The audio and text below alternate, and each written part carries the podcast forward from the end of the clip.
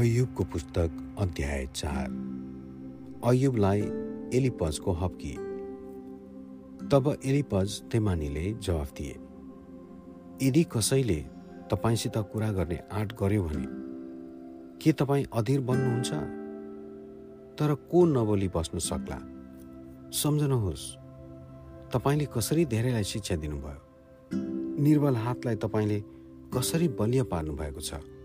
ठक्कर खानेहरू तपाईँका वचनले सम्हालिए र तपाईँले निर्बल घुँडाहरूलाई बल दिनुभयो। तर अब सङ्कष्ट तपाईँमाथि आइलाग्यो र तपाईँ निरुत्साहित हुनुहुन्छ। त्यसले प्रहार गर्दा तपाईँ हरेस खानुहुन्छ। के तपाईँको धर्म नै तपाईँको निम्ति भरोसा र तपाईँको निर्दोष जीवन तपाईँको निम्ति आशा हुनु पर्दैन र? किनभने सोच्नुहोस् कुनै निर्दोष मानिस कहिल्यै नाश भएको छ? सोझो मानिसले कहाँ कष्ट पाएको तपाईँले देख्नु भएको छ?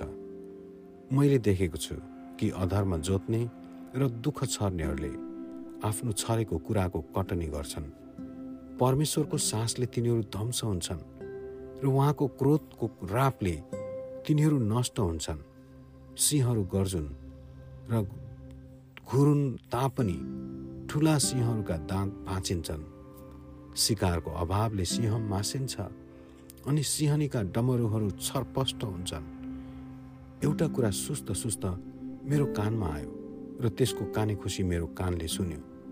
रातका बेचैन सपनाहरूमा जब मानिसहरू घोर निन्द्रामा परेका हुन्छन् त्रास र थरथरीले मलाई पक्रे र मेरा हाडहरूलाई कमायो। एउटा आत्मा मेरो छेउ भएर गयो र मेरो शरीरको रौँ खडा भयो। त्यो रोयो तर त्यो के हो मैले ठम्याउन सकिनँ। एउटा आकार मेरो आँखाको अघि खडा भयो। यसो भन्ने एउटा मधुर स्वर मैले सुने। के मरणशील मानिस परमेश्वरभन्दा बढी धर्मी ठहरन सक्छ? के कुनै प्राणी आफ्ना सृष्टिकर्ताभन्दा पवित्र हुन सक्छ? यदि परमेश्वरले आफ्नै सेवकहरूमाथि भरोसा गर्नु भएन भने र आफ्नै दूतहरूलाई भुल गरेको दोष लगाउनु भयो भने त माटोका घरमा बस्ने मानिस माथि झन बढी दोष किन भेटाउनुहुन्न?